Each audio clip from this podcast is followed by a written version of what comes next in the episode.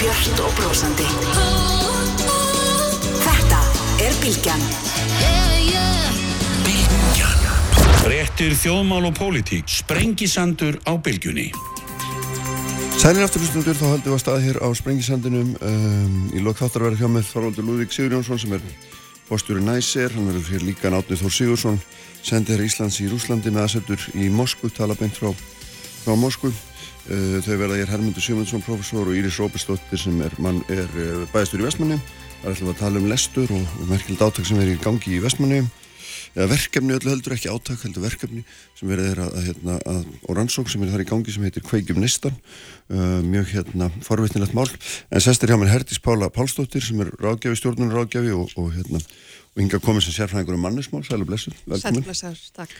Sko hérna ef maður rammar inn er mikill visku eða þannig hérna vinnumarkaðin mm -hmm. reynir það einhverjum orðum að þá, þá er, að, er mjög mikla breytingar Mm. Uh, COVID náttúrulega með einu svona hraðaði ferli sem var komið í gang með það að fólk getur auðvitað vunnið eða skrifst og fólk hefur gjörðað þannig getur unni vinna sína hvaðan sem er mm -hmm. tæknin er hérna, breytist mjög mjög hratt uh, hérna, treyð fólks við vinnustæði mingar myndi ég halda Fleir, já, fleiri og fleiri vilja vera sjálfstæðir satt, ég meina þetta eru miklu ströymar sem er í, í gangi með það sem hefbundi hefur þótt Jú, sko það er alltaf það þarf svolítið að velta fyrir hvað allavega nálgast þessu umræðu. Já. Það eru umhlað margar breytinga bara eiga sér stað, þú veist, í umhverju okkar. Mm. Þú veist, ég meina við hérna, tölum mjög oft um, þú veist, tæknuþróun, alþjóðavæðingu, umhverju smál, auki langlífi, þú veist, allt er þetta þætti sem hafa áhrif á vinnumarkaðin. Og gamla svona hefðbunda vinnumarkasmótilið, það var sem sagt atvinnureikendur, launþegar og stjættafélag, svona þrý skiptur vinnumarkaður. Það mótil er svolítið að breytast mm -hmm. einmitt eins og þú segir, fólk getur verið meira unni sjálfstætt ef það kýs. Uh, ekkert allir sem vilja það. Uh, fólk líka flakkar á milli þess að vera launþegar eða sjálfstætt starfandi bara eftir því sem að henda hverju sinni.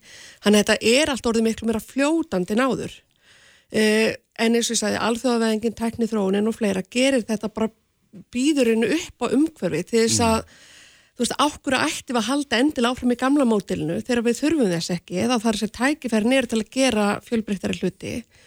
Og ég meina við erum alltaf í einhverju þróun. Ég meina, þú veist, 1950 ég veit ekki hvað árum að tala um, þú veist, þegar kannski má segja að, þú veist, hugmyndir okkar í dag og minnu er kannski svolítið, má reyka þangað. Já. Þú veist, allir ætti að vera mættir á færibandi klukkan nýju og svo slögt á færibandinu klukkan fimm. Já, já. Og hérna okkur ef við erum ekki lengur að vinna þannig, við erum orðið miklu meira svona að það er alveg mjög fleiri færðar að vinna í þekkingarstörfum. Þannig að okkur erum við alltaf svona först í gamla mótilinu hérna ef við þurfum þess ekki. Já, af hverju erum við það? Já, ég held að það sé íhaldsemi Já. og hérna auðvitað, þú veist, mannskeppnan óttast breytingar, þú veist, það er svona svolítið eðlokkar og ég held að stundum bara þurfum við aðeins meira hugrekki til þess að þóra að prófa okkur áfram þóra jafnvel að gera mistök, bakka og, og prófa finna bestu leiðirnar. Og, og að því þú nefndir aðan sko, þetta er kannski eitt helstuðum skrifstofu fólk eða mm. þannig en þetta er samt að sko verða, hvað segja í, meira í bóði fyrir fleiri tegundar störfum heldur en við áður heldum og að þú vittnaður í COVID áðan, ég meina taktu bara skólakerfið þú veist, það var alltið bara háskólanám, grunnskólanám, mm. þetta var allt komið í, í fjarkennslu hérna, það er orðin til svona, við segjum innan gæðsalpa spítalar út í heimi, það sem er engi sjúklingar, heldur bara heilbriðistarsfólk að lesa af einhverjum mónitorum, mm. að því fólki með einhver snjáltæki á sér sem að sendi bara bóð, þannig að Já. þú ert, pantar ekki lengur sjálfur tíma í lækni, heldur ringi lækninni þig þegar verður eitthvað frávik í mælingunum, þannig að það er bara svo ótrúlega margt að breytast í fleiri störfum heldur um bara svona hefðbyrðin skrifstofustörfum. En hinn hlýðin af þessum breytingum öllum er náttúrulega líka svo að, að ef við tökum að því hún nefndir þetta 1950 þá var líka einhver hugmyndafræðin það að ramma einu vinnutíman mm -hmm. fólk mátti vinna bara þurfti bara að vinna ákveðin tíma og við höfum verið að stefna því að stýtta þann tíma, erum núna síðast að taka bara einhver skrif bara í þessa dagana mm -hmm. þá veru, en þetta sítengi kerfi sem að mm -hmm. þú ert að lýsa og mhm. er bara staðrind, er náttúrulega ekki takt við það, heldur þvert á móti því nú er fólk alltaf aldrei í vinni. Já, já. Ég held sko hérna upp úr 2000, við verum nægur tíma, þegar var hérna hið hérna, gullna jafnvægi, var svona áttak sem að verkefni sem var í gangi hérna í Íslandi og þar var mjög mikið verið að tala um þetta jafnvægi vinn og engalífs. Þú ættir ekki að koma engalífi með þér í vinnuna og svo þú komast heim þá ættir þú að skilja vinnuna eftir. Sko í dag viljum við miklu frekar tala um svona heilbriða samþættingu vegna þess að lífið er bara þannig að þá við mætum í vinnu þá hættum við ekkert að vera svo manneski sem við Nei, erum. nei. og við eigum að mæta hérna, öll í vinnuna með allar okkar tilfinningar, allar okkar sögu og allt hvað eina, við maður mæta með það í vinnuna. E, á sama tíma getum við þurft að sinna vinnuveitandanum utan hefðbundis tíma, þannig að það er spurningum um einhverju heilbriða samþæktingu tæknin einmitt hjálpar til við þetta, hún getur líka hérna verið trubla, Já, já. trublandi, en, en við þurfum að hugsa um þessa samþættingu vegna þess að vinnveitundu þurfa líka átt að því. Að ég meina fólk getur þurft að sinna hvað sem það er börnum, öldruðum fóreldrum eða, eða hvað sem er á vinnutíma. Og ég held að það munum mynd breytast núna fljótlega í kjærasamningum að í dag hefur fólk ákveðin dagafjölda hérna, til að sinna veikum börnum. Já, að það verði bara ákveðin dagafjöldi til að sinna hérna, nákomnum af því að þjóðin er eldast og fólk svona á besta aldri sem er kannski börnin án uppkomin, þá er það bara komið í staði með ábyrðaeldrum fóreldrum og hérna við, það er bara svo margt sem er að breytast. Já, og þessi, þessi sko þetta aukna langlífi og bætta heilsa, hún, hún líka gefur okkur fullt að tækifærum en líka Já. fullt af áskorun. Já, já, nákvæmlega, þetta er áhugavert að þarna, þá, þá er svona í staðin fyrir þú sinnir þessum auka störfum eða sagja Já, það að, hérna, einhverjum tilteknum dögum meina, þá getur þetta verið innan dagsins og, og skiptir í grunnengu máli, þú bætir bara við þig heima einhverjum auka klukkutíma eða hvað það er sko. Einmitt. og að því ég vitna það í færibandi á það sem er svona halva asnali myndlíking en samt sko í mörgum störfum þá þarf vinnudagun heldur ekkert endilega að vera samfeldur og ef þú ert að vinna svona skrifstofustarf, þekkingastarf hérna hvað með að vinna bara nokkra klukkutíma þú veist, fyrir hátti og taka sér svo bara pási meðan daginn og Mm. hvað sem það er til að heimsækja mömmu gamlu eða fara í rektina eða hvað það er og svo bara heldur áfram. Já, Ákveður þarf vinnudagur endilega að vera samfeldur nema náttúrulega, auðvitað, ef þú ert með viðskiptavinni sem eru já, já, veist, já, en, en ég held að við þurfum bara að hugsa svo marga hluti. Já, já, ef þú situr náttúrulega bak við gjaldkerastúkuna í banka eða eitthvað þessar þá getur ekki hlaupið í burtu þetta er þetta nei. hægt við annar stað. Og þetta En verður þetta ekki við gríðald rót á öllu starfi í skipulagningu starfs þegar þetta er svona út og söður og stundum er þessi við og stundum ekki jú, og jú, þú veist aldrei. Jú, algjörlega, en þess vegna held ég líka mögulega þurfum við að hægt að tala um störf og fara að tala um verkefni. Uh Uh, vegna þess að ef við erum alltaf að tala um starf sem einhvern svona fyrirfram skilgreindan kassa með alls konar verkefnum og, og viðfáðsefnum í, þá bæði verður oft auðveldar að ná utanum þetta og, og, hérna, og meta framistöðu, þetta byrti minni svejanleika. En ef við brjótum starf upp í verkefni og ráðum fólk í verkefni, þá er, eins og segi, betra að metra framistöðu og býður upp aukinn svejanleika og líka kannski af því að við tölum nú að um það hérna í vikunni sko, með mentun að því við erum svo oft þegar við erum að auglýsa störf þá, auglýsa við erum með langan lista af einhverjum hefnikröfum og, og eitthvað svona. Oft er háskólagráða. E, kannski þarf hann ekkert alltaf. Við erum bara aftur svo föst í svona einhverju sem við höfum búin að gera í mörg ár. E, það mætti kannski oft freka bara tiltek, tiltaka ákveðna hefnithætti eða þekkingu sem þarf. Já. og þekkingur hægt að sækja sem mörgum erum hætti heldur en háskólagráðum. Nú ætti ég ekki að tala niður háskólanám og er sjálf með einhverja slíkar gráður. Já. og það verður áfram mikilvægt að því í formlegu námi þá læri við að læra. En það er líka hægt að sækja sér alls konar þekkingu e, hérna og fá svona ákveðin, stimpil eða vottun og viðkynning ákveðin þekkingu án þess að fara gegnum margar á háskólinu. já, en það er þetta hérna, gríðarlega verðbólga einmitt í þessum hérna, í þessum, uh, svona, þessari upptelningu sem þú nefnir í starfsauðlýsingum að, að það er hérna, þú þart, mátt helst ekki vera eldin en 30 en samt að hafa 10-15 ára reynslu Já, og já. þrjár háskólagráður og, og hérna, Já, helstu undir 30. já, Nei, já, er það ekki tilfelli? Ég meina, mjög við er þetta þannig hérna. Já, það er kannski vegna þess að það er erfitt að alhæfa. Já, já. En oft er verið að ráða og það bara liggur svo rosalega á og það er bara einhvern hlaupið að stað og, og þessu er oft ekki, sko það er ekki oft lögðin ómikil hugsun í þetta. Og, og hérna, og núna þegar við sjáum fram á það, ég meina nýlega könnun hérna í Íslandi, þar sem að 40% starfs, eða stjórnenda í 400 stærstu fyrirtækjum landsins segjast sjá fram á skort á, á hérna vinnuafli. Uh, kannski erum við oft líka of þröngsinn í því þegar við erum að leita að vinnuafli. Einmitt eins og þú segir 30 með 15 ára starfsveitslu líka við hérna og það er gaman að lesa sögur erlendis frá og svona spá við að leiðinni þangað, um minna dæmi fyrirtæki svo Google og fleiri þau hafa svolítið verið að, að hætta að setja háskólagráður sem viðmið. Heldur leika miklu mér áherslu á að leita eftir þekkingu hvernig svo sem hún er tilkomin og ákveðnum bara eiginleikum í fari einstaklings og þeir segja bara hvað er drauma starfsmæður mm hvernig metu við það? Og þeir segja sko það er ákveðin þekking sem við viljum og það er líka ákveðin svona viðhorf eða hugarfar vegna þess að ef ég ætla bara að ráði þetta starf núna og við vitum það öll störf er að breytast þá verður mjög fljótt komið að einhvers konar úreldingu eða einhverju svona þannig að það er betra að hugsa verkefni og þekking mm. einstakleika með viðhorf sem vilja vera alltaf að læra, alltaf að þróast alltaf að aðlægast því sem er í gangi hverju sinni Og þannig held ég við sem búið til bæði aukinn sveigileik og tækifæri fyrir vinnuveitendur og einstaklingarna, mm. hvort sem þeir eru launþegar eða sjálfstæðsstarfandi. En hvers konar, sko, hvers konar heimi ertu að lýsa þegar þú ert að tala um þetta? Þú, þú ert að tala um það annars vegar að fólk verður að hafa þekkingu, það verður að hérna, standa sig í vinnunni, svo verður að vera í stöður, í símyndun, endur metta sig alveg stöðut, hérna, standast kröfur það, og svo framins fyrir utan all, allt sem það er að sinni í fjölskyldlífunu, að þetta er orðið svona, þú veist, hérna, er þetta ekki þetta er auðvilt um að tala en, en mjög flókið að uppfylla er unn og verum. Já, það, það er alveg rétt, en svo líka þegar við tölum á aflokkur þekkingar, mm. það eru heldur bara mjög margir starfsmenn í dag, bara jafn óðum að þeir eru að vinna verkefni sín, er þeir aflastið þekkingar. Hvort sem fólk fyrir að googla eitthvað eða fyrir að teku, horfir á þryggjamyndna kennslumyndband á LinkedIn eða hvað það er. Mm. Þannig að þetta er orðið miklu meira innbyggt í störfinn. Þannig að þú þart ekki alltaf að fara frá starfstöðinniðinni til þess að fara á námskið. Heldur, ertu bara alltaf aflæðið þekkingar. Og það er kannski það sem að vinnuveitundur gera þá núna í staðin fyrir að vera alltaf að borga einhverju mikil námskeið eða svona.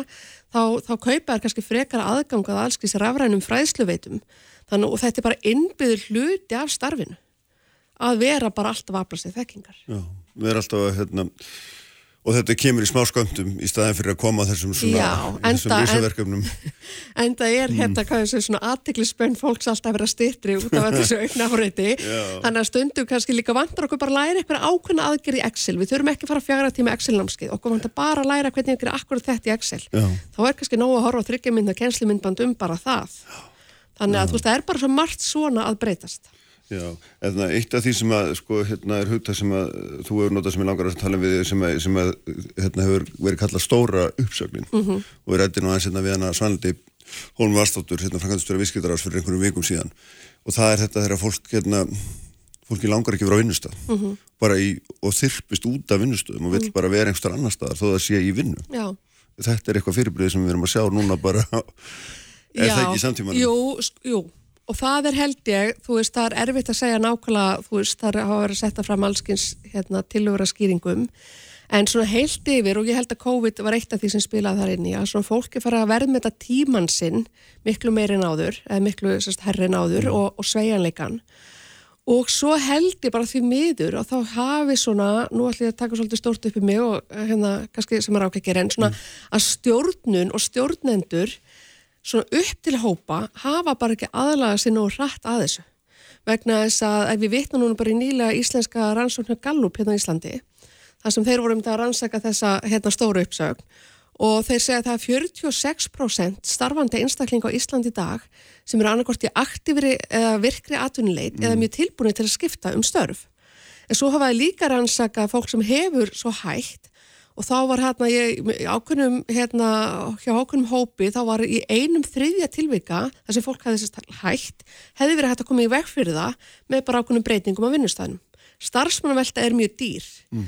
þannig að ég vil hvetja stjórnendur og fyrirtækja það sem eru fyrirtækjarekstri að, að skoða þess bara hvort þeir sé mögulega ekki að bregðast nú rætt við þessu því að þessi stóru uppsögn, hún er okkur öllum mjög kostnæðasum, þannig að við getum alveg dreyið úr henni með því að bara að, að brey, hugsa hlutinu på nýtt, mm. eins og ég sagði störf versus verkefni, mentun versus þekking. Og svo bara þetta að gera vinnustæðin svona meira ákjósanlegan heldur en áþján og inn í þetta kemur umræðin um fjárvinu til dæmis. Og, og hérna og þeir stjórnandi sem vilja fá fólk á staðin er ekkert rosalega reyfnir af fjárvinni þá þarf vinnustæðinu bara að vera spennandi valkostur en ekki einhver áþján. Mm.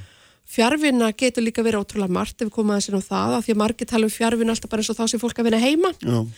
Uh, hérna það eru margir aðri staður jáfnveg margir betri staðir til að vinna heldur en heima. Það er alltaf tilorðin alls konar svona skrifstofu, hótel eða samvinnu rými hérna Íslandi til dæmis dæmum Reku sem er þannig fyrirtæki sem er með starfstöður um all land, ég meina Ásljóð Arnar á þeirra, auglísi sín, störfi sínur á þenni í dán staðsetningar mm. e, með því að vera í svona samvinnu rýmu þá erum við ofta að breyka teinstanetti okkar, við erum að hitta fólki annars konar starfsemi, fá nýjar hugmyndir. Það er jafnilegt að vinna fjárvinnu á milli landa og, og vera þannig að svona, vera bara ennþá meira skapandi í starfinu sín. Þú getur alveg unnið ákveðin störg hvar sem er. Mm. Já, en um leið getur maður líka alltaf satt að ef maður, maður hugsa tilbaka gegnum sín feril, hvað var skemmtilegast, hvað var best? Jú, það var kæftagangurinn á gungunum.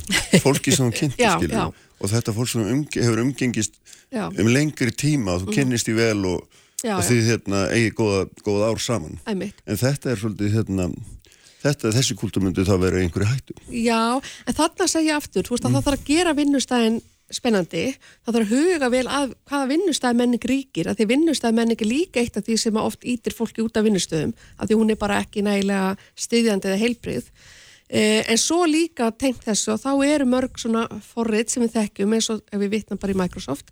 Margir nota Teams til dæmis að það er alltaf koma ný og ný virkni sem að hérna, þannig að þó þú sért í fjárvinu mm. sért bara við tölvurskjáin þá ertu með vinnufélaginu í mynd og þú ert að tjatta við það spjalla við það og saman tíma ert að vinna verkefnunum.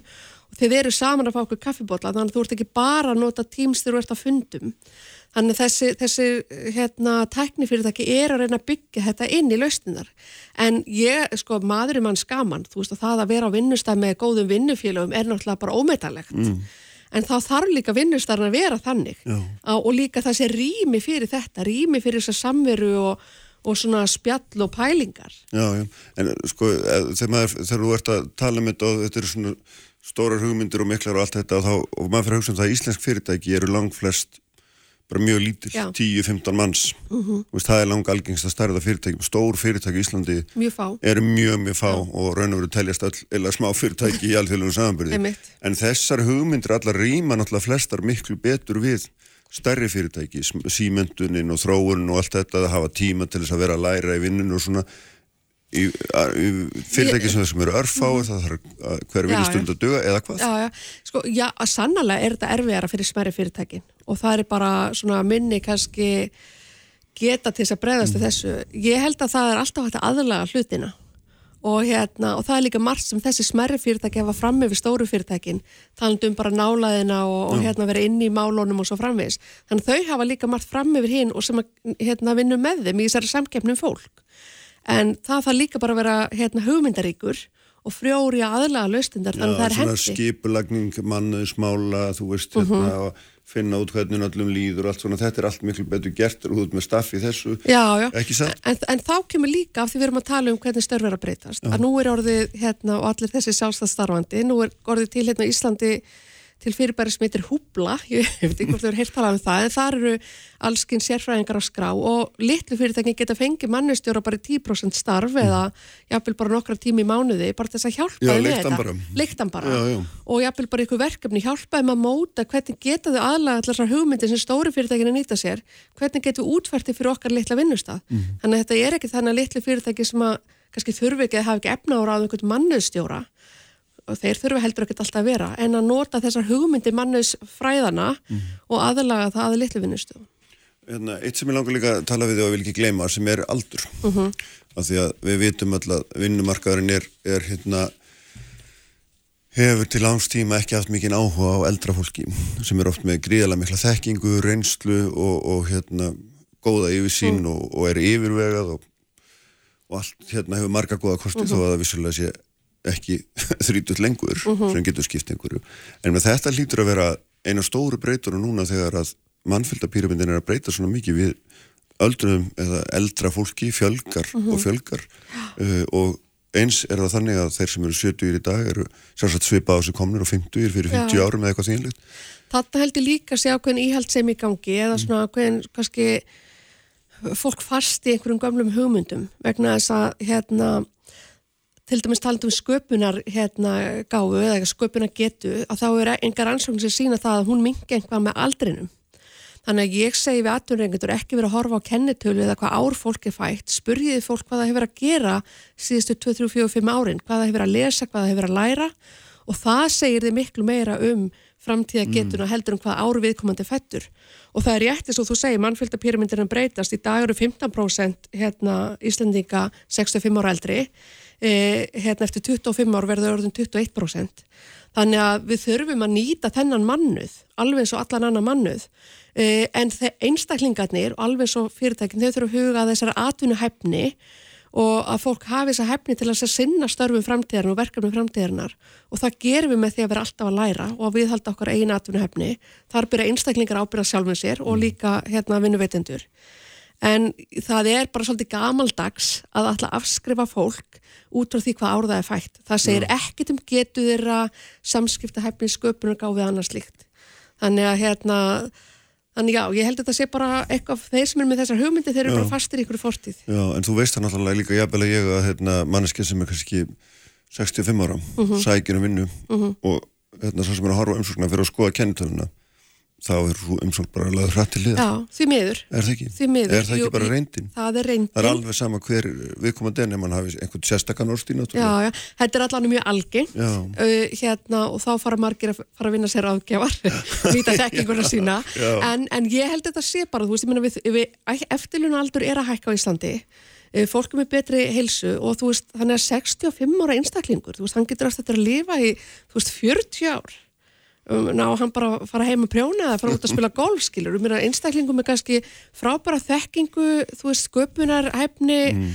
allt með sér þó að sé fættur eitthvað tiltekki ár það er bara fáralandi að afskrifa viðkomandi Já, þannig að svona einhvern veginn þín mynda þessu er svo að þetta er að breytast mikið, við erum að breyta hugmyndum okkar hvað starf í raun og veru þýðir, uh -huh. uh, hvað starfsmaður er uh -huh. og svo er líka eitt sem að þú hefur verið að skrifa um og minnst áhugavert líka er, sem er að, að hvernig markaðurinn þróast að því litinu til að, að vinnuveitandin hefur alltaf verið svo sem að Já. hefur haft svona mest um hann að segja en uh -huh. nú mhm. er þetta kannski frekar að þróast í þá átt að starfsmæðurinn getur eða starfsmæðurinn geta haft meirum að, að segja hvar þeir lenda eitthvað með einn Já, við erum allavega þar núna Vistu, við vitum auðvitað fyrir þetta allt í einhverja ringi og allt það mm. en við erum þar núna að, að einstaklingurinn, hvort sem hann er laun þegar salsastarfiði, hefur mun meira vald í þessu sambandi heldur náður og og, og bæði ráðningar ferli og reynslu tíma og svo framvegis að þá er einstaklingunum jafn mikið að meta vinnuveitandan eins og mm. vinnuveitandin að meta einstaklingin og þetta held ég að margir vinnuveitandur þurfa aðeins að, að hérna átta sig betur á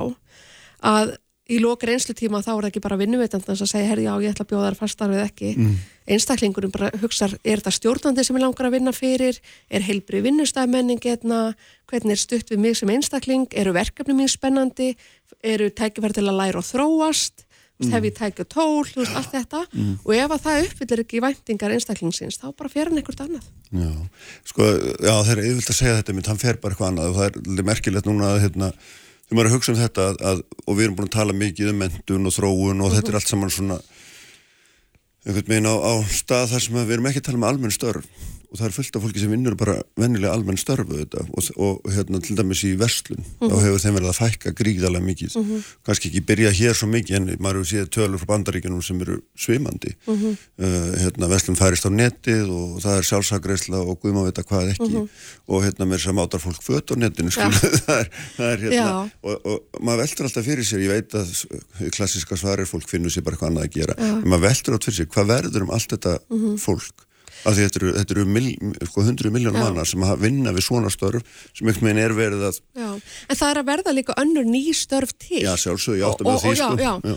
Og þess að við tala já um atvinnuhefni, mm. þannig að við þurfum líka alltaf að hugsa hvernig teki annarkur þekkingu er einstur fyrir störfum og heimferðin yfir á annað umhverfi og það er mjög mikilvægur eiginleiki að geta og, og hérna þannig að já, ég held að ákveðin störf er að hverfa og þeir sem eru í þeim þurfa þá að fara einhvert annað sem er þá nýstörf mögulega og þess vegna er svo mikilvægt að vera alltaf aflastið þekkingar.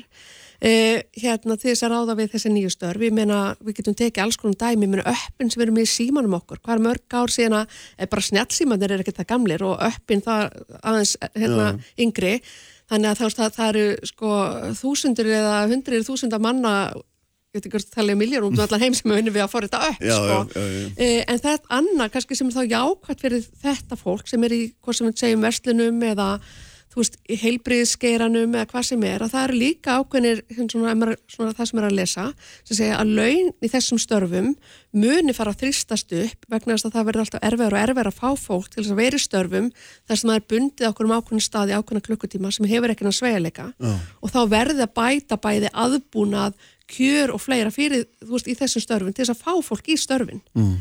Þannig að það er þá allavega jákvægt, hérna, ég veit ekki hvernig það þróast hér en þetta er svona það sem er að sjá erlendis að menn er að sjá gerast mm. Þetta er gott innlegi í, hérna, í kjærasamlingarni Ég voni verið ekki skotin hérna hér að fæna út en hérna Nei, þetta er allavega, þú veist, það er bara segja, við þurfum bara að hugsa allar uh. eldri hugmyndir og hugsa hlutinu bara tækifæri Það er svona niðurstana þessu samtali það er raun og veru gríðarlega breytingar í farvatninu. Það eru gríðarlega breytingar og við þurfum hugur ekki og vilja til þess að nýta þar og láta þar verða okkur að tækifæri frekar heldur en ógn.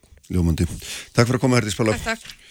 Hermundur Simundsson og uh, Íris Róberstóttir eru hérna hjá mér eftir öllum Kraftmikil umræða, alla sunnudasmórna, sprengisandur, ábylgjunni.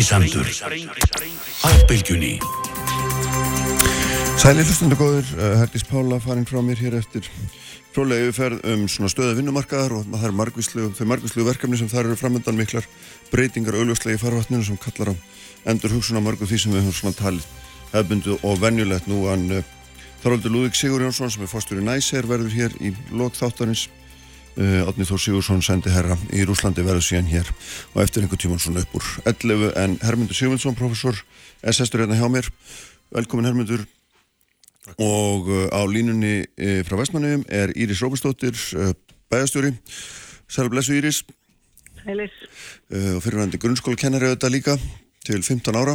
Ég ætlaði að tala við ykkur um um, hérna, um, um nám um lestur, mikilvægi þess og hérna, mikilvægi þess að við hugsaum með skapandi hættu og nýstalögum og hérna Íris, ég ætlaði að byrja hjá þér vegna að, að þið eru með í Vestmannum hérna eru frumkvælar þessi verkefni sem heitir Kveikjum Nistan og fælst í að, að hérna, beita nýjum aðferðum við emitt lestrakenslu og bara endurhúsa skólakerfi samspil þess við reyfingu skóladaginn og svona viss segðu mér aðeins svona hvað, hvað er það sem að regur þig og ykkur í að fara að endurhugsa þessa, þessa hluti ef við byrjum þar?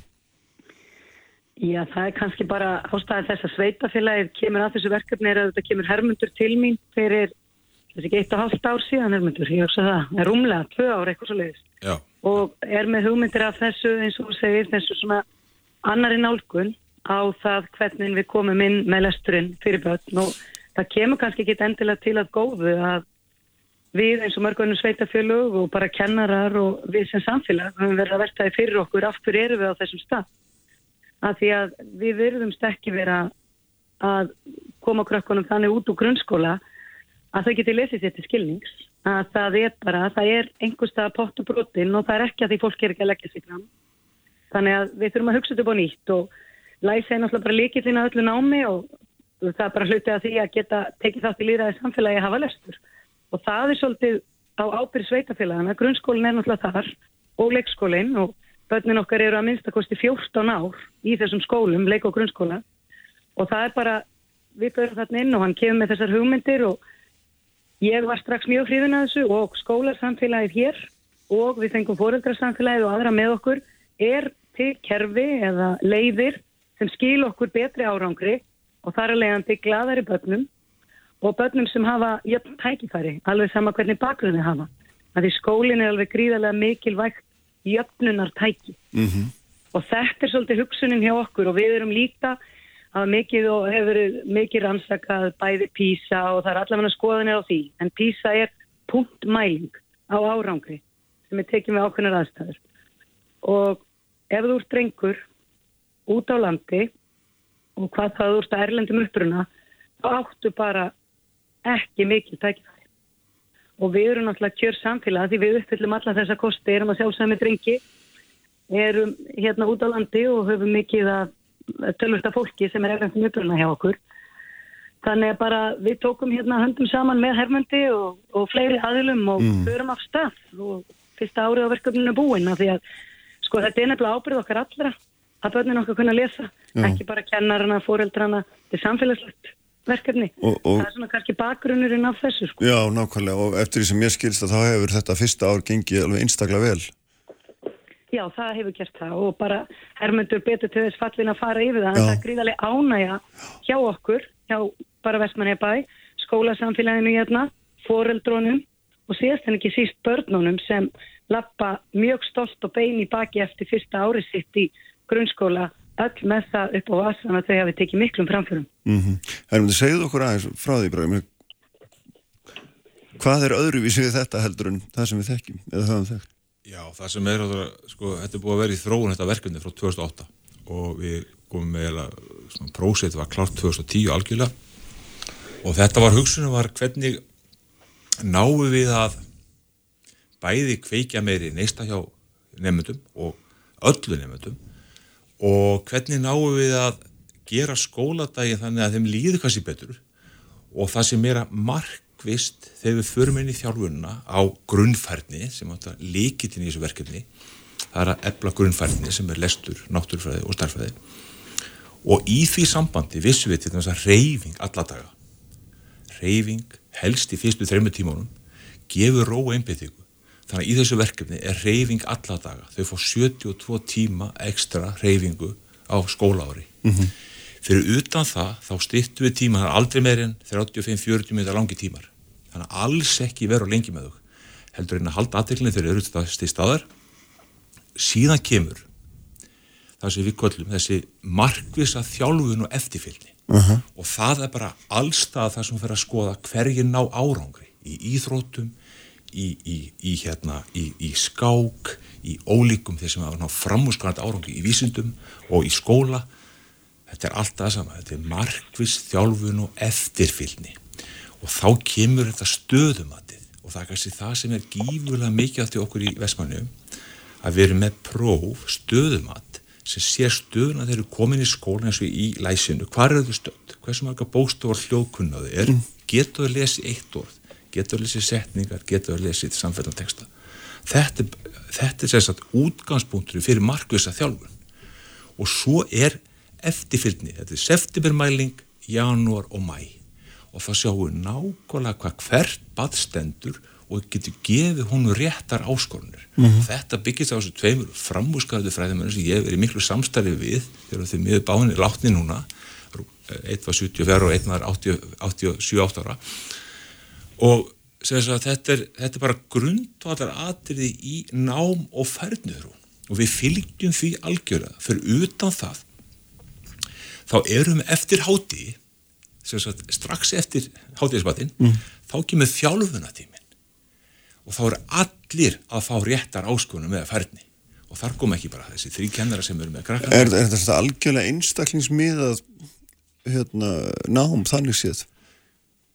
Eins og við byrjum með lesturinn núna Já. er það algjörlega miðað hvernig einstakling hann far algjörlega þær áskonum sem hann á að fá miðað hvar, hvar er statur mm -hmm. og þess vegna er maður alltaf að vinna með þessar, kollum í, í flæðis eh, hérna, sónunni eða þessum við ertum alltaf að að þeirna strekja það aðeins og þá vitu það er þar sem framfari nást og þá líka líður panninu ég gati þetta, ég er að strekja með aðeins og ég gati þetta með þessari vinnusíleikiða og þá ferður þess að sjálfstyrkingu mm -hmm. sem er gífulega mikið að þeirra vilja halda ánfram með það verkefni og, og þessi þjálfunatími er mjög mikið vögur því að þarna erum við að ná öllum og við erum sagt að sérkjænst að koma að inn bara strax í þennan þjálfunatíma All, allir er að fá, allir er að lifta sér. Síðan er rúsíunni pulsendunum. Og þetta er líka til þess að ebla líðan og fá fram að þess að hormonastæðis við skoðum dopamin sem er mm. rosalega mikið bara fyrir að vilja taka þátt í verkefnum annað og, og, og gefa jákvæða styrkingu. Það er ástruðtímaðir og núna í Vestmannu þá fengum við að það voru fimm þema sem gotu valið á milli hvað viltu gera í síðasta tíma dagsins og þá fyrir að velja að það var smíði og það var handafinn og það var myndlist og það var, það var hérna að laga mat og svona og þá mm. svo var það tónlist þetta völdu snöfum mótnarna svo hlakkaðan til að fara hérna tími í lókdagsins og þannig erum við að byrja, við erum með val í 8. 9. og 10. bæk og þannig erum við að byrja líka meira val eins og við erum mikið í leikskólunum við höldum því áfram mm hvert erum við kannski að finna út hvaða skil, þetta, er bara, þetta, er, þetta er líka þróunverkefni þannig að við erum að finna út úr því hvernig við brúum þetta bíl millir 8, 9, 10 og upp þegar við mætum nú upp í, upp í hérna 5, 7, 7 þetta er bara þróun með kennurum og skólasafl í Vestmannu Er þetta, þetta, þetta mikilvæg þáttur hérna Íris þessi, svona, þessi, þessi endur hugsun skóladagsins og, og svona hvernig, hvernig við megin, verjum tímanum þar? Já, ég held að þetta snýst líka svolítið um það að við vitum það öll að ef okkur finnst gaman og ef okkur líður vel þá gengur allt nám betur. Og bara við vitum það sjálf, ef við erum vel stemt þá gengur okkur betur í vinnunni. En auðvitað leikillin að þessu var, við erum búin að tala rosalega mikið um það sem samfélag. Og ég fór á ráðstöfnu 2003-2004 um drengjameningu í grunnskólum. Já. við byrjum að hafa áhyggjur af drengjónum okkar. Byrjum að hafa áhyggjur af því að þrátt fyrir það að börnunum okkar líður oftast ágætlega í skólanum og vel, þá vorum einhvern veginn ekki að skila þeim árangur sem við hefðum vilja fyrir alla og þetta sluti af því að taka svona nýja nálgun á það að vera að nýta fullt af verkværum sem er verið að nota í skólanum í dag en þessi eftirfylgni, það að við tökum námsmat, það er tekið stöðupróf og því er fyllt eftir sem upp á vantar hjá þér sem nefnda, það er rosalegu leikil, finnst mér, sem kennara. Mm. Vegna þess að við tökum, við vorum hérna með og nú reynda búin að leggja þau eða taka út núna eins og þessi samræntu próf og annað, sko það var kannski ekki alltaf einhvern veginn tækifæri í því skipulagi sem var í skólanum að geta unnið einstaklismiða með hvern og einn eftir svona punktmæningar. En núna erum við að gera það en við erum líka búa til umhverfi þar sem við erum að mæta því eins og með hreyfinguna sem Hermundur sagði að ég kendi sjálf eins og á þann í 15 ár og kendi á yngsta stigi og það skiptir rosalegu máli fyrir einbettinguna að börn fá að hreyfa sig. Það skiptir líka máli að börn fá að velja og hlakki til. Þannig að það er allavega svona punktar í verkefninu sem gera það rosalega spennandi kosti. Og svo var líka líkitt í þessu er að við fengum, þegar við förum í þetta, við erum lengi að undirbúa verkefnið, fáum tölvert aðurum með okkur, háskólan, samtök aðunlífsins, mentamálarandi og aðra að borðinu, að það líkillin var líka að tala við fóreldra. Áðurum við förum á stað, áðurum við tilkynum að við ætlum í þetta verkefni, þá fundum við með fóreldrum. Og grunnskólinn gerir það, kennarahópnum og öllum, mm. eru við tilbúin að stíða þessi nýju skref til þess að sjá það hvort að við getum náð betri árangri bættri líðan og nummer 1, 2 og 3 að krakkarnir nýti grunnskólan sem best mm. og verði næstaður út í lífi þannig að þeir séu allir vegir færir.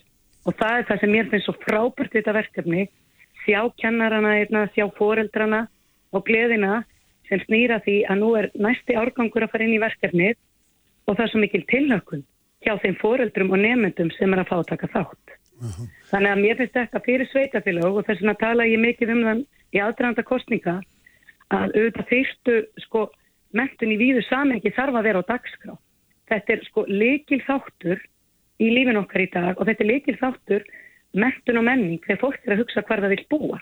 Þú veist hvernig verður tekið þetta um börnin. Börnin hafa rosalega langa vinnundaga í leikskóla og grunnskóla og það skiptir máli að við nýtum tíman vel og þetta verkefni tikkar í allur bóks.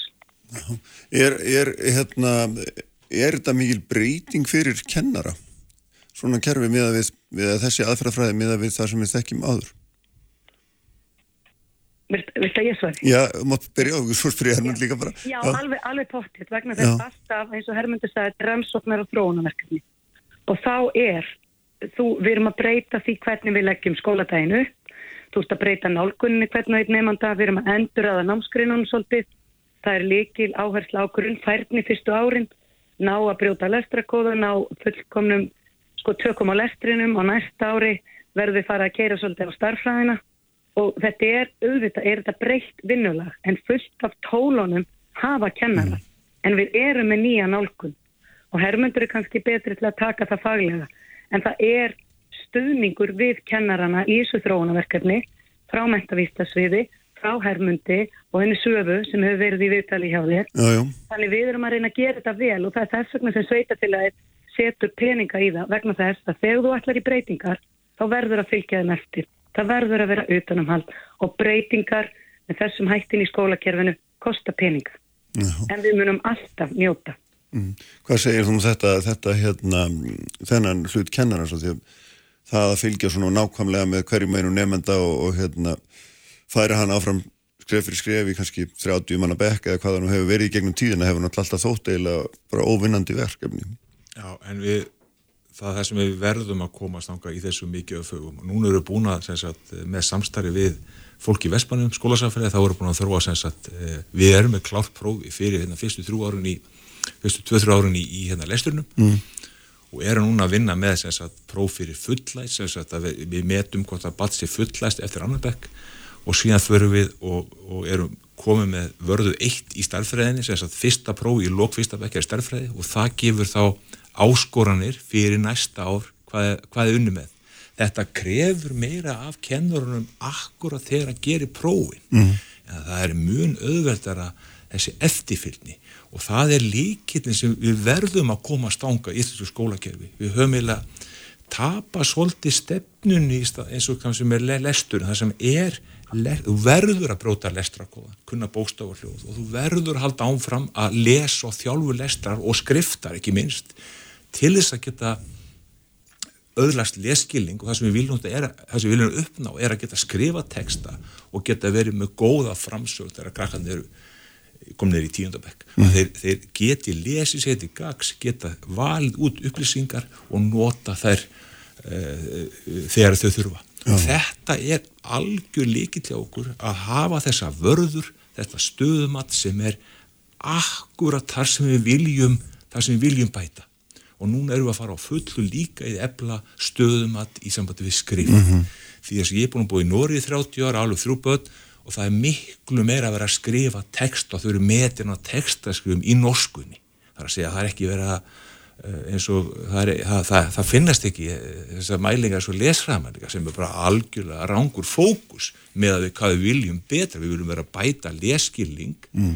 og skrift og framsók. En sko nú vantarlega er þetta þannig, ég bara ans ég viti mikið um það en í sjörabekkir í raðfæra sé bara yfir höfu mikla framfærir í lestri hjá nefndum yfir höfuð, höfum við einhvern samanbyrð á því þar að segja það sem höfum verið að gera og versus til dæmis þetta kerfi sem þýðir eða aðferð sem þýðir einlega Já, það kom að vera með eina norska samanbyrð sem var gerð fyrir nokkuð mánu síðan og sem ég var með í og þar eru 73% eftir fyrst ári búin að bróta lestrakóan í okkur eru allir 100% það er eina sem við höfum. Mm. því að ég sjálfur reikna ekki með þessum mikla árangur núna, ég held ekki allir myndi ná að bróta lestrakóan Hva, hvað nákvæmlega þýðir að brjóta að lestra hvað? Það þýðir það að þú getur lesið einstök orð, þú skilur að í og, í og s er ís. Eða h og s er hús. Mm, mm. og þetta er, maður, er ekki góður í tungum eins og ég kannski kann ekki svo mikið kynversku þannig að leðu kant táknin og skilur að tákni því það gera ákveðin hljóð og þau saman skapa orð þá ertu búin að brjóta að lestra hvað og þetta er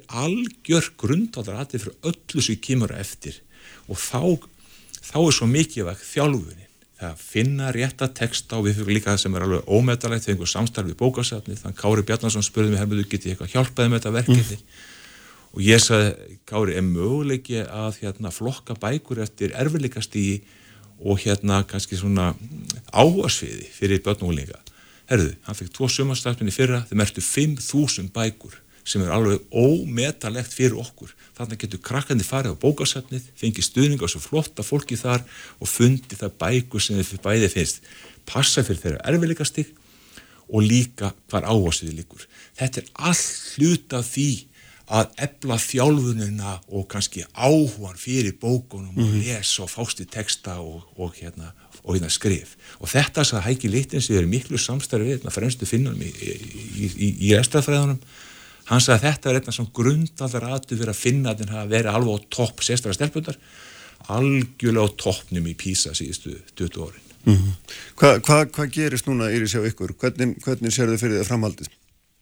Heyrðu við náttúrulega bara höldum áfram og bara þetta fyrsta ár lofar góðu en svo bara er að halda áfram og sjá hvernig þetta, þetta bara þróast. En ég held að það sé bara rosalega mikilvægt að við séum ofin fyrir því að fara aðra leiðis og það er það sem við höfum gert hér með þessu verkefni að því það hefur svolítið verið spurt að því þú komst inn á þetta samanburðar Já. hvort það sé samanburðar rannsóknir en sko uh, vísindarlega þá þurfa þær náttúrulega verið til staðar. En ég hugsa fyrir þessi börn og þetta samfélag hjá okkur þá viljum við bara að börnin læri að lesa og við getum nefnaðu og það er klárlega að gerast. Og þá finnst mér verandi bæjarstjóri í þessu samfélagi þar sem við viljum að börnunum lífi vel í skólanum, þau nái árangri og þau nái að læra að lesa, þannig að þau getur lesið sér til skilnings og gags, að þá er ég gríðarlega ánað og ég vona náttúrulega þetta haldi áfram. Og mm. ég sjálf er með, starfræði er með mjög hugleikin, það er minn bakgrunnur í kjænslunni og ég hlakka rosalega til að sjá hvernig það eh, fer innsko að því hugtaka skilningurinn og vinna með starfræðileg hugtök er mjög mikilvægt og ég bara er óbúslega spennt fyrir þessu en leikillin af þessu er að allir séu tilbúinir. Skólasamfélagið vilji vinna og sé tilbúið í svona verkefni fóreldrasamfélagið og eins og hermöndu myndist á, þá er svolítið allt samfélagið okkar hérna mjög spennt fyrir þessu.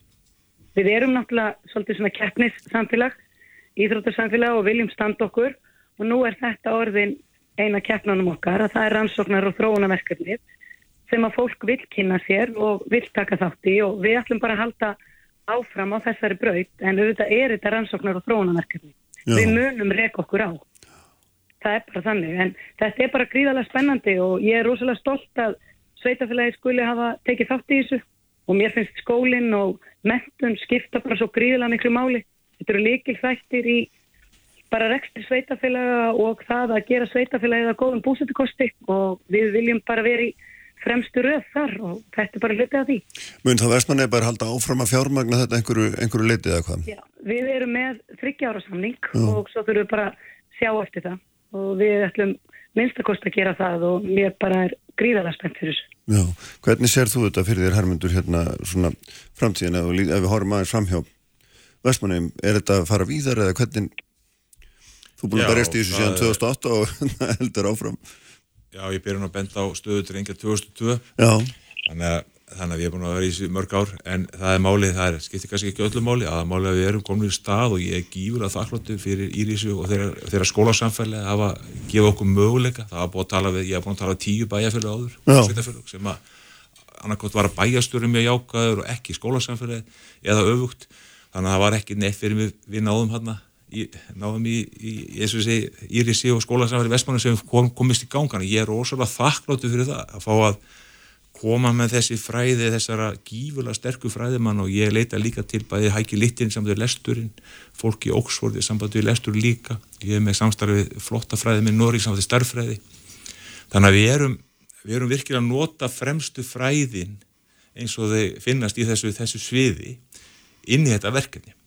Og eins og við talum samveruhóp, það eru, við erum með tölur, við erum með og ofinverðartölur í leikskólum á einu bæjarfæli á Íslandi þar sem eru 40% sem sagt eh, leikskólabatna með e- erfileikum málskilning eh, sem átt að rosalega hátt við erum með tölur frá UNICEF 2020 ofinverðartölur í þeirra skýslu 38% af 15 ára ekki ná grunnfærni í leskilningi og stærfræði þannig að þetta verist vera svona 40, 35, 40% af börnum sem ekki, sem að fara hann upp á þess að ná þessari grunnfærni eins og alltaf hafa þess að komast áfram í framhastnám mm. eða, eða, eða komast út í átunlífið og þetta er gífurlega alvarlegt. Það verist verið eins og séu 60-40% skilnar á Íslandi það sem að 40% fá kvorki hjálp heimann í skólunum og þetta er eitthvað sem að kemur nýra á jafnbretti og það allir hafi möguleika eins og Íris er að tala um að hafa möguleika á að fá þessa grunnfærni til þess að halda áfram með, með,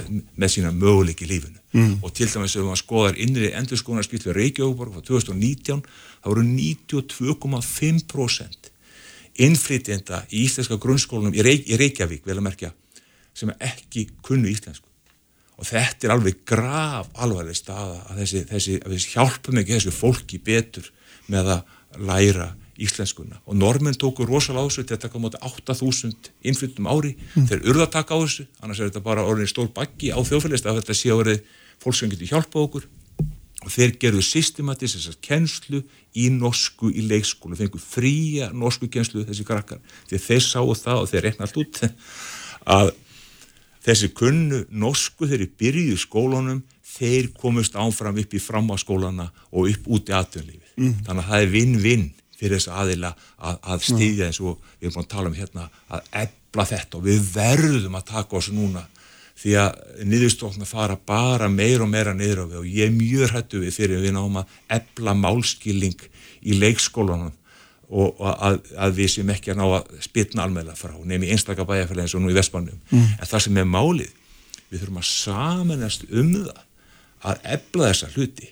Og við þurfum líka að fás meiri kannan við vitum að Reykjavíkuborg svona gegnum síðustu 18 árin hafa notað viss prós sem hefur sínt að fara frá 2002 33% læs eftir annar bekk í 39% sem þess að Ólas fyrir ekki, Ólas 39% Ólas 2019 það er samanbörði sem við erum með núna en á næst ári lók annars bekks þá ætlum við að keira stóra rannsóð mm. bæðið með okkar krakki Vestbórnum og aðra krakka á á hérna öðru stöðum á Íslandi Já, nákvæmlega þetta er hérna við höfum að fara í líka sýri sem það er alltaf merkilegt þú veist að tala um að vera á rásturinn 2002 og 2003 og þetta er sagt, umræðan er 20 ára síðar bara á svipum stað Já, umræðan er á svipum stað en við erum með minnst að stíga skrif. Við Mm. erum að reyna að gera.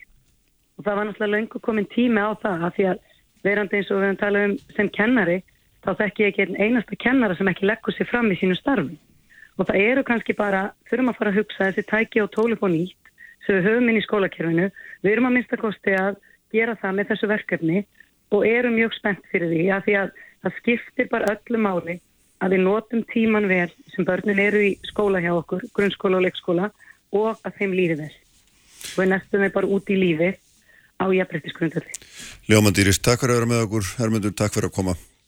Takk fyrir. Takk, takk. Og hérna ég ætla að tala við hann Átna Þór Sigursson sendi herra í Moskvu eftir augnablik. Frettir þjóðmál og pólitík. Sprengisandur á bylgjunni.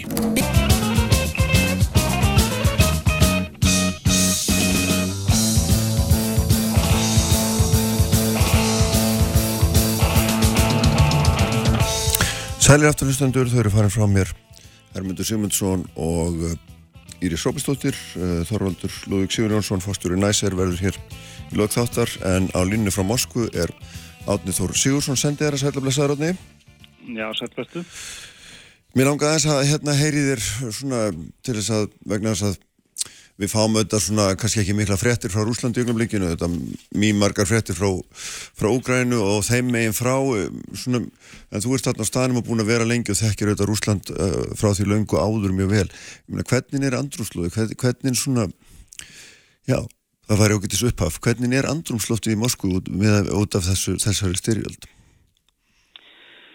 Já, það má nú kannski segja að það, það byrstist nú með ymsum hætti í sjálfu sér. Það, það svona í dagstaglega gengur lífið auðvitað hér bara fyrir sig eins og það hefur eins og það hefur gert og, og, og stríðsátökin eru þetta ekki hér en, en á hundbógina þá verður maður auðvitað varfiða í gegnum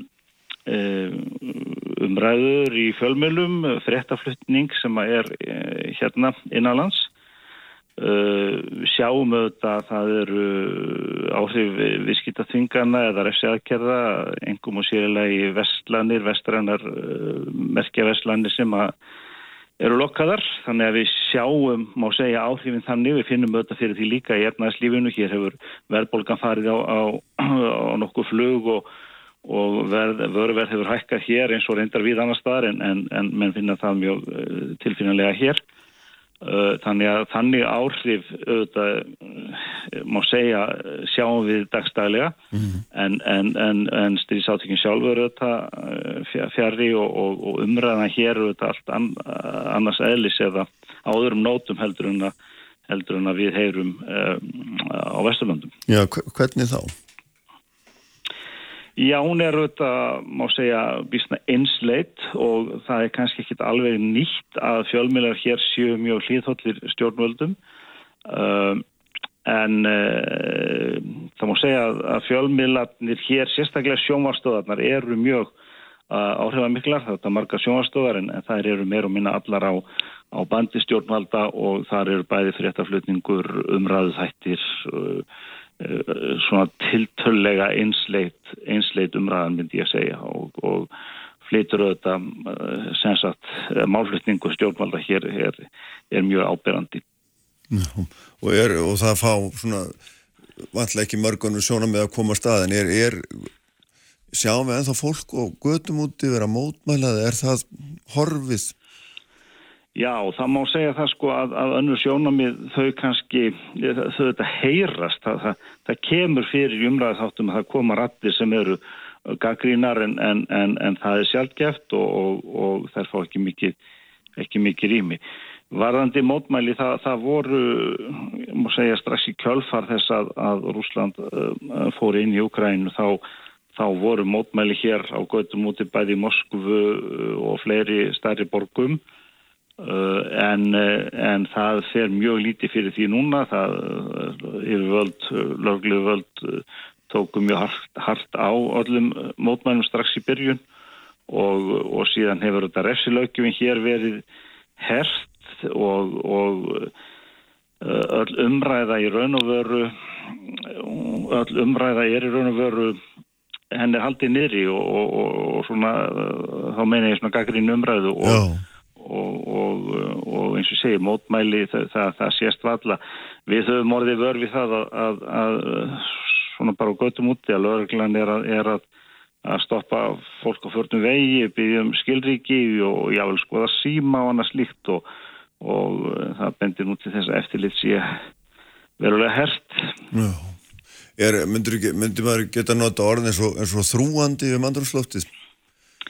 Ég myndir nú kannski ekki nota það um andrumsloftið hérna í Moskvu þannig Nei. sé það er, það er uh, menna menn fara hér út og, og fara að gera sín innkaup í Veslunum, fara út á veitingastadi og, og kaffihús og annað slíkt eða, eða og stunda, stunda óti vist og, og þess aftar eh, þannig að, að því leiti til er andrumslott ekki þrúandi en, en, eh, en eins og ég segi þá, þá má segja að svona það sem að byrstist í gegnum fjölmila það, það er allt á, á einn veg og það er svona uh, uh, það er svona daldið uh, harkaleg má segja orðræða í gangi Já. í gagvart vesturlöndum og og, og, og, svona veist, þeirri ókn sem að Rúsland telur að, að, að sér stafi af, af hálfu Vesturlanda Já. það hefur í sjálf sér sko það er ekki heldur alveg nýtt það, það svo orðræði hefur verið í gangi um, um nokkuð langt skeið og nokkur ára aftur í tíman og þó hún hafi kannski ágerst þá, þá hefur verið gaggrínin umræða hér í gard Östurlandagarð, allars bandalagsins í garð Úkrænu líka uh, undanfærin ár. Uh, þannig að það hefur svona stegu magnast má segja. Já, ég er að því ég veit að þú hefur sko hérna, þekkingu á Rúslanda varst þarna á nýjunda áratögnum einhver 2-3 ára í mandarétt og hérna, er, er mikil breyting á þessum viðhórum á þessum tíma, þessu svona tortrygni í garð Vesturlanda, þessari umræðum að hérna, þau einhvern veginn síðan stöðut að huga því að seilast til áhrif eða jafnvel að, að hérna, láta til skara skrýða gegn rúsum?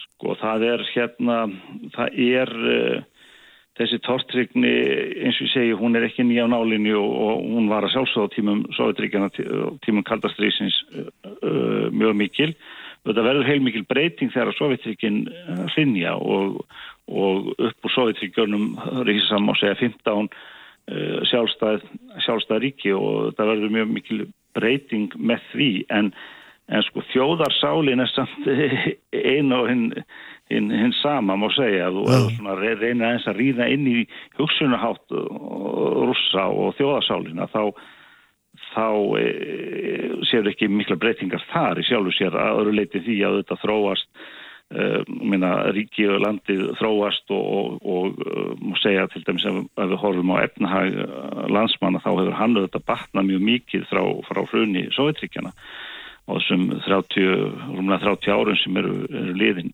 síðan. Þannig að auðvitað verður þannig framþróun í samfélaginu en, en hugsunahátturinn og, og þessi múið segja þjóðurrækni, þjóðhóllustan umræðan um móður Rúsland mm.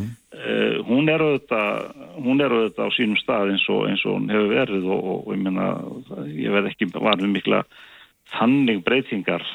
Þetta er svo þetta er svo greftinn í þjóðarsálina þessi þessi, þessi hugsunaháttur sagan auðvitað minna að saga Rúslands, menningin og alls úr arfleð er, mjög greftinn í þjóðarsálina og, og það verður ekki varfið mikla breytingar á því. Nei, en, en svona sko uh, þegar, að, þegar að svona, hvað maður segja þegar að, þegar að ungir menn fara að koma heim í líkpókum eins og hlýtur nú að vera að gerast í nokkuð stríðum ströymum er, verða minn ekki varið við neina neina viðhorsbreytingu eða, eða er hún kæð nýður eða hvernig hvernig lesti það? Það er, það er auðvitað það sem menn hafa svo sem sagt Eh, líka stjórnmála skýrendur og svona þetta skýrendur hafa verið að tala um það og þá minna ég á Vesturlund hafa verið að mm. tala um það að, að einmitt þegar þetta gerist sem að óhlugkvæmlega uh, eh, á sér stað að, að þá kunni andrumslofti, þá kunni viðhorf og rúsa að breytast uh, til þessara, þessara stríðsrekstrar. Og, og ég held að það sé nú mjög, mjög líklegt að, að þetta hefur það áhrif og, og það eru fjölskyldur á bakvið alla fallina uh, hermenn, það eru sko ættingjar og vinir og það er hópur og allt spyrst þetta út þó að það sé ekki mikið sagt frá þessu í fjölmjölum og, og hér ofnberlega hefur ekki verið greint þá uh, nema bara, þú veist, það verið, hefur verið talað um einhver hundruði sem hafi fallið meðan að á Vesturlandum eh, er fullirt að, að það séu kannski upp undir 20.000 maðsrúsa mm. sem hafi fallið já, já. Eh, þannig að það er, það er mjög mikil munur á þessu og, og, og þetta getur auðvitað haft áhrif svona, segja, til lengri tíma litið eh, á afstöðu rúsa en, en, en orðræðan er bara eins og ég segi, hún er mjög einsleitt, hún er mjög sterk. Fjölmiðlarni þérna eru mjög skoðanamyndandi og þeir sem að eh, eru eh, ansnúnir þessum strísvexturi uh, gaggrínir þeir kannski velja einfallega að segja lítið. Já, nákvæmlega. Hvernig, svona, hvernig er sko líf diplomatans í Moskú núna? Og ser maður að, að það hafa frá því að þetta stríðhorst hafa 500 rússar verið reknir frá Evropalöndum og Bandaríkjunum aðalega og sendir heim og, og ég held að sínum talan er náttúrulega mun læri tilbaka en þó fjölmarkir hérna, fjölmarkir sem hafa verið sendir heim líka frá Moskvu, hvernig er það því menn tala mikið um mikilvæg þess að halda þessum samskiptaleiðum opnum og svo framvegis og það verður að vera hægt að tala það verður alltaf að vera einhver, einhver talsamband á milli ríkja. Hvernig er þetta, hvernig finnst þetta að hafa þróast og breyst núna á síðustu vikum og mánuðum? Jú, þetta eru þetta mjög sérkjænleg, sérkjænleg staða og, og, og mjög krefjandi fyrir í, í morgum sendiráðum, okkar sendiráðu þetta var fáment hér, við erum þrýr íslendingar sem störum hérna en, en sendiráð ímis uh, annara ríkja sem eru mjög fjölmennari hafa verið að missa starfsmenn heim. Og, og það kemur talsið við starfseminna þeirra en En, en bara það, þetta strísástand og þessir, þetta segja, sambandi millir Úslands og Vesturlanda eins og, eins og það hefur þróast núna síðan, að, síðan í, í februar og refsi annað slíkt hafa auðvitað mikil áhrif líka á starfsemi sendiráðan vega mikið þáttur í starfsemi sendiráða almennt er auðvitað að að gæta segja og hagsmuna í viðskiptalegu tilliti, reyna að örfa viðskipti mitt í landa, vinna menningarsamskiptum og öru slíku. Og, og, og, og þetta starf er í miklu lámarki eins og, eins gefur að skilja. En á móti kemur að, að það að fylgjast með því sem er að gerast hér, stjórnmála þróuninni e, reyna að greina í, í það hvað er að gerast hérna e, vinna greiningar, senda heim til sinna stjórnvalda, það er það sem við erum að gera hér í sendiráðunum. Við eigum aukið samráð okkar í millu og samstarf sendiráð e, vestræðna ríkja. Við til dæmis í okkar tilfelli þá eigum við í Já, enn nánara samstarfi núna við hinn Norðurlöndin, Ístrasaldsíkin og reyndar bara fleiri líktingjandi ríki heldur en að svona dagstæðilega má segja við vennulegar aðstæður þó það sé alltaf talsett sam, samstarf á milli en, en núna höfum við aukið það verulega, við reynum að, að deila upplýsingum um það sem við vitum að er í gangi uh, uh, og, og Já og, og reyna að læra hvert af öðru. Það, það, menn, menn upplýfa ímislegt þegar ástandið er eins og þeir og, og reynum að deila upplýsingum og læra hvert af öðru og, mm. og síðan er það þannig í okkar tilviki að, að við erum hér sendir ári senst í Moskvu er ekki bara með Rúsland á sinni könnu heldur nýju önnur ríki, svo kallið undæmisíki og í venjulegu árferði má segja að Rúsland tekur auðvitað eða mál samkvæmt lang, lang, lang mestan, mestan tíman. Við höfum aðeins verið að, að uh, auka áhersluna á hinríkin eh, sem við erum með í okkar umdæmi. Við getum nefnt ríki eins og Moldófu sem að, sem eh, hefur mikið verið í umræðinu undarfar, undarfarið vegna þess að það hefur tekið á móti miklum fjölda flottamanna frá Ukrænu, sennilega hlutfarslega sko flestum Eh, þannig að við erum að, að, sinna því meira, við erum að fylgjast með þróun mála þar og, og eiga samskipti við uh, kollega, fá upplýsingar. Uh, og, og svo er þetta áhuga á því líka að, að auka þá önnur tengsl eins og í visskiptu, visskiptilegu sambandi og menningarsamskiptum. Við erum líka með ríki eins og Armeníu og svo erum við með miðasjuríkin þannig að, þannig að við reynum að, að horfa eins meira á þau. Mm. um, en, en þetta eins og segi, þetta eru óneitanlega skrifni tímar og, og eitthvað sem maður ótti ekki vona á þeirra þegar ég kom hér fyrir eh, um tveimur án síðan til starfa þá, þá ótti maður nú kannski ekki vona á því að, að upplifa upplifa svona ástand. Nei, nei, það er, það er hérna Það er skiljanlegt, sko, að því að menn tala mikið um þetta og ég ætla að, að hérna, halda þér við það efni, sko, þetta beina samtal sem þurfa að vera til staðar að missa, þess að beinu leiðir til þess að tala hérna saman. Hvernig er svo, svo Norðurlöndin það sem þið vinni, þið, hérna, við erum að vinna náið með og, og, og þú í beinu samstarfi við, er, er eitthvað samtal þarna milli þeirra og rúsa annarsvegar eða, eða, eða, eða hvernig er það svona, getur þú lístaðis hvernig þetta gerist eða, Já, eða er þetta bara í frost allt saman? Já, það er auðvitað, það er auðvitað sko, má segja samskiptarleginar eru til staðar en það er ekki mikið, það er ekki mikið umferð á þeim eins og, eins og, eins og málum er hátta núna um, uh, við erum ekki að eiga frumkvæði að einhverjum diplomatiskum eða politískum samtölum við, við rúsnest stjórnvöld og, og það er eins í hinn áttina.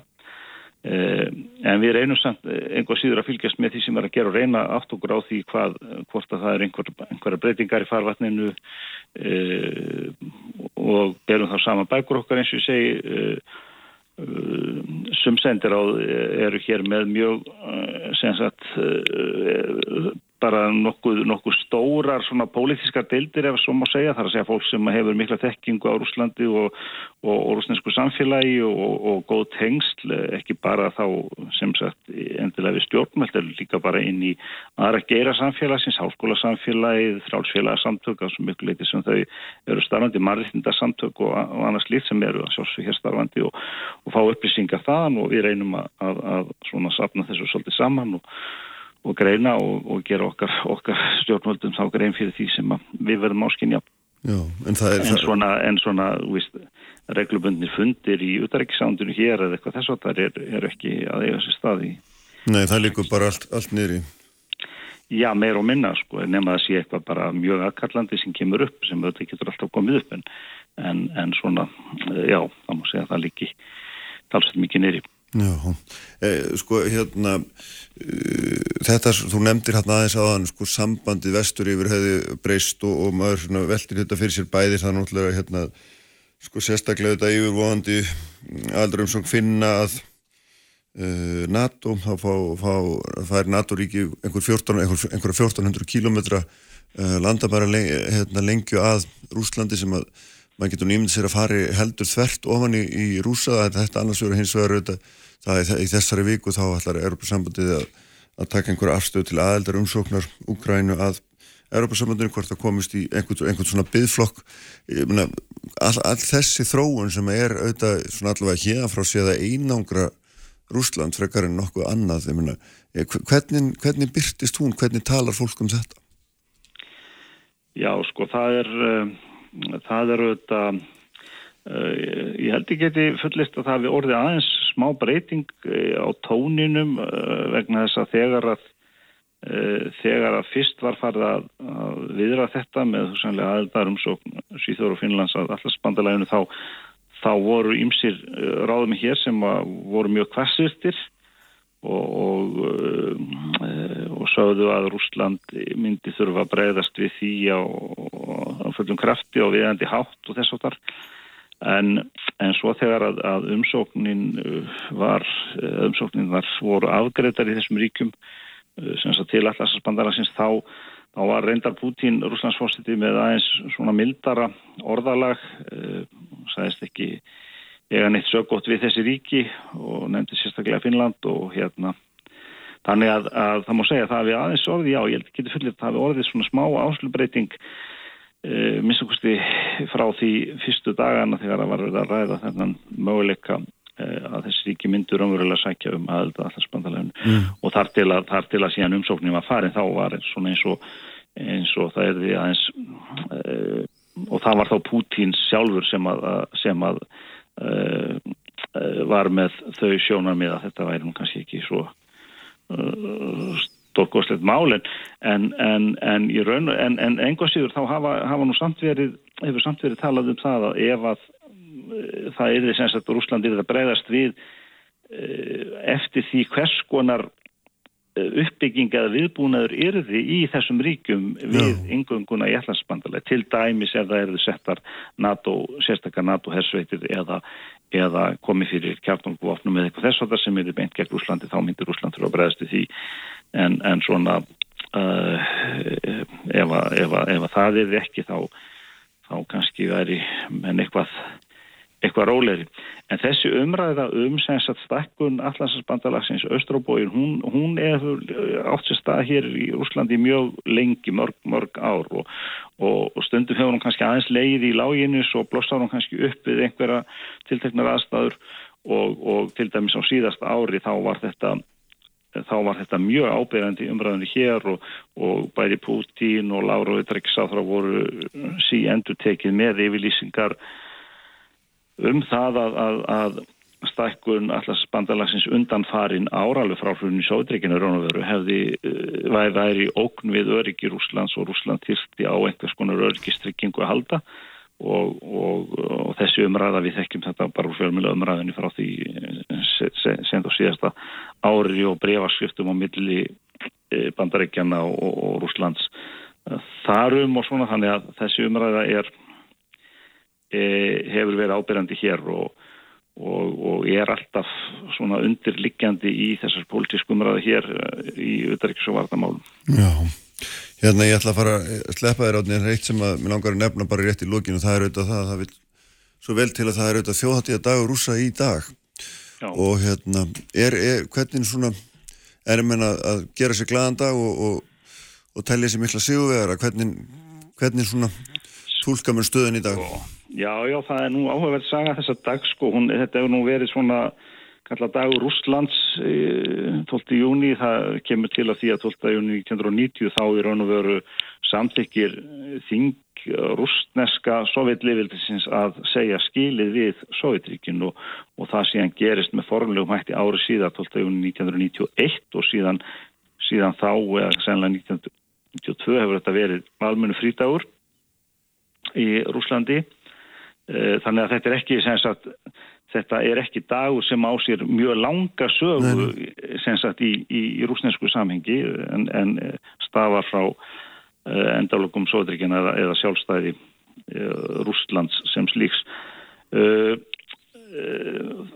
Þannig að já þetta er auðvitað hátíðstagur, þetta er almennu frítagur og það svo rekla gildir nú hér að þegar að, þegar að svona frítagar lenda á helgi þá þá flist fríið yfir á næsta virkan dag þannig að það er frí hér á mánudegi líka. Og þar með verður þetta svolítið laung helgi og, og rúsa notanan kannski mikið til þess bara að fara úr bænu, fara í sína sumabústaði e, eða einhvers konar útífistaferðir og, og, og það er ekki mikið um hátíðahöld, það er svolítið um flugveldasýningar e, undir lokdags, e,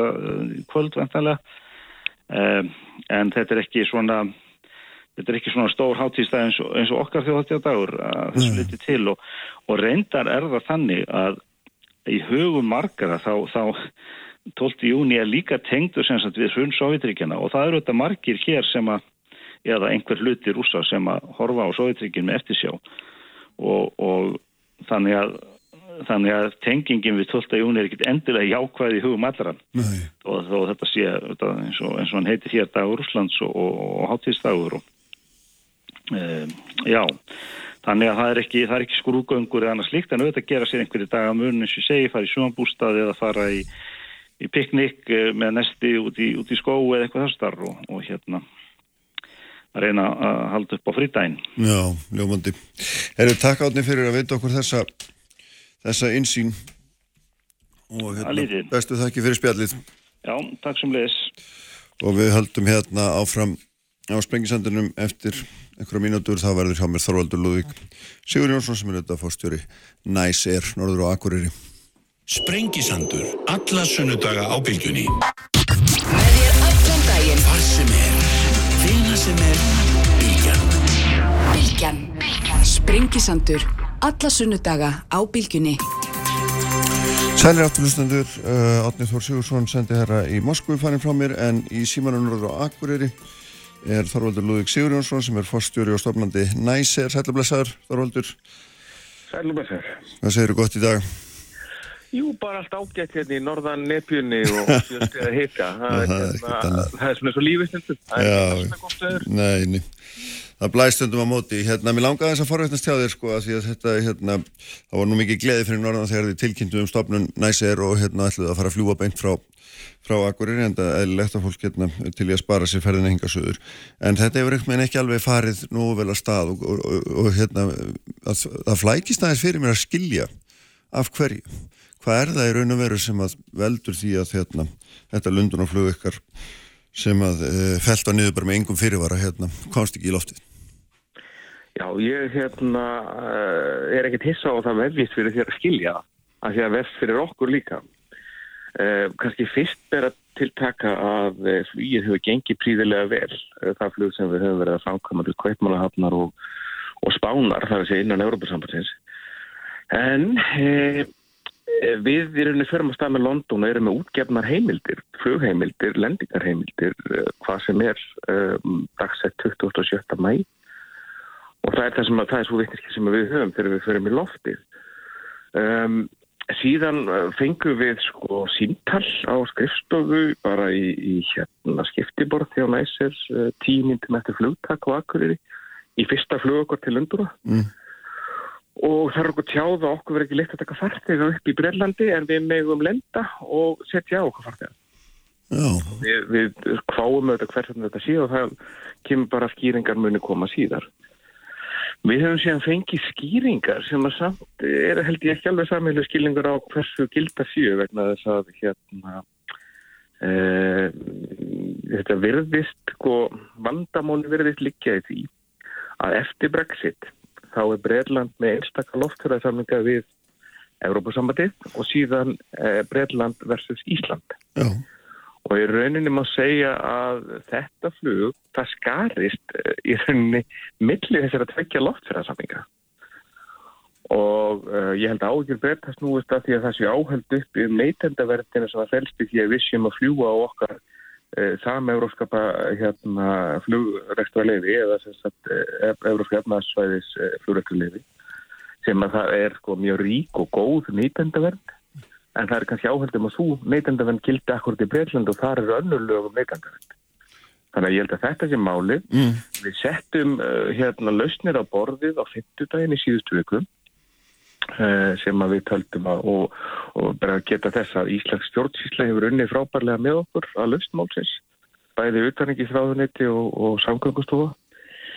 Eh, við lögum lausnir á borðið á 50 daginn eh, en þá fannst brettan orðið full nála telgi til þess að vera að taka afstöð til málsins og við erum bara, okkur var neyður eitt kostur að hérna fella niður flug því að ekki bárast svör. Átt að fara flug til Lundúna klukkan 7.45 að förstas morgunin.